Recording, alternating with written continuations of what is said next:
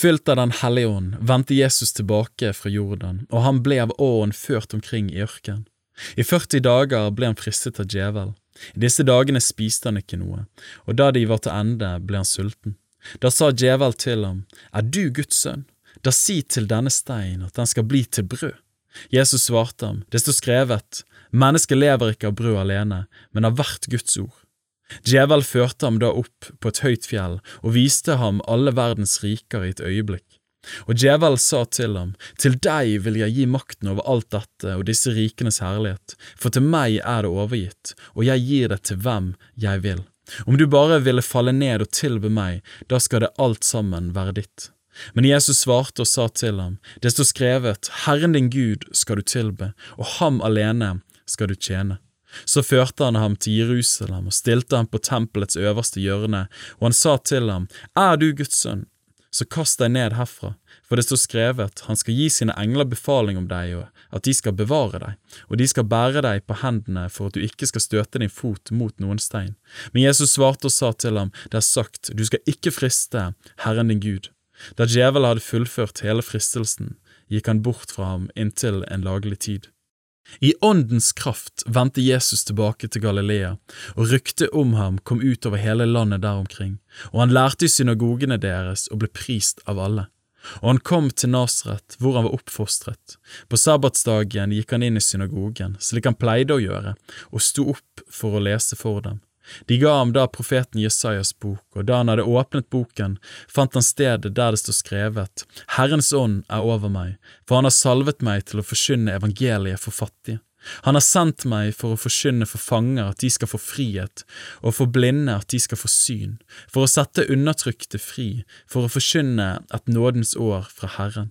Han lukket boken, ga den til tjeneren og satte seg. Alle som var i synagogen hadde øynene sine festet på ham. Han begynte så med å si til dem, I dag er dette Skriftens ord blitt oppfylt for ørene deres. Alle ga ham vitnesbyrd og undret seg over de nådens ord som lød fra hans munn, og de sa, Er ikke dette Josefs sønn? Da sa Jesus til dem, Dere vil sikkert si til meg dette ordspråket, Lege, leg deg selv. Alt dette som vi har hørt er skjedd i Kapernaum, gjør det også her på hjemstedet ditt. Men han sa, Sannelig sier jeg dere, ingen profet blir godtatt på sitt hjemsted.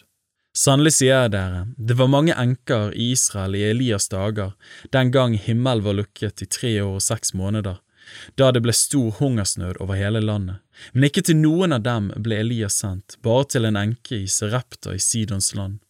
Og mange spedalske var det i Israel på profeten Elishas tid, men ingen av dem ble renset, bare syreren Naaman. Alle i synagogen ble fylt av harme da de hørte dette. De reiste seg og drev ham ut av byen og førte ham ut mot pynten av det fjellet som byen deres var bygd på, for å styrte ham utenfor stupet, men han gikk midt gjennom flokken og dro bort. Han dro ned til Kapernaum, en by i Galilea, og lærte dem der på sabbaten. De var slått av undring over hans lære, for hans tale var med myndighet. I synagogen var det en mann som var besatt av en uren ånd, og han ropte med høy røst, Å, hva har vi med deg å gjøre, Jesus fra Nasret, du er kommet for å ødelegge oss, jeg vet hvem du er, du Guds hellige. Men Jesus truet den og sa, Ti stille og far ut av ham. Den onde ånden kastet mannen ned midt iblant dem, og for så ut av ham uten å skade ham.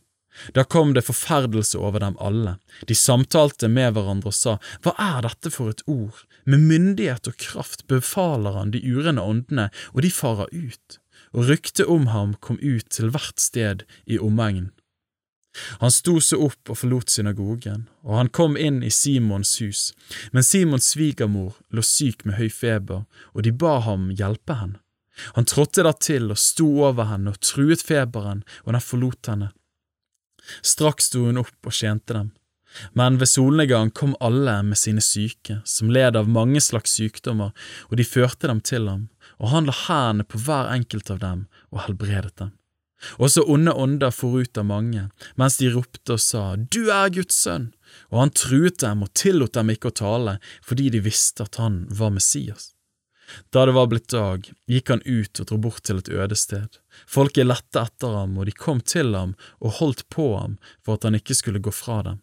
Men han sa til dem, også i de andre byene må jeg forkynne evangeliet om Guds rike, for til det er jeg utsendt. Og han forkynte i synagogene i Galilea.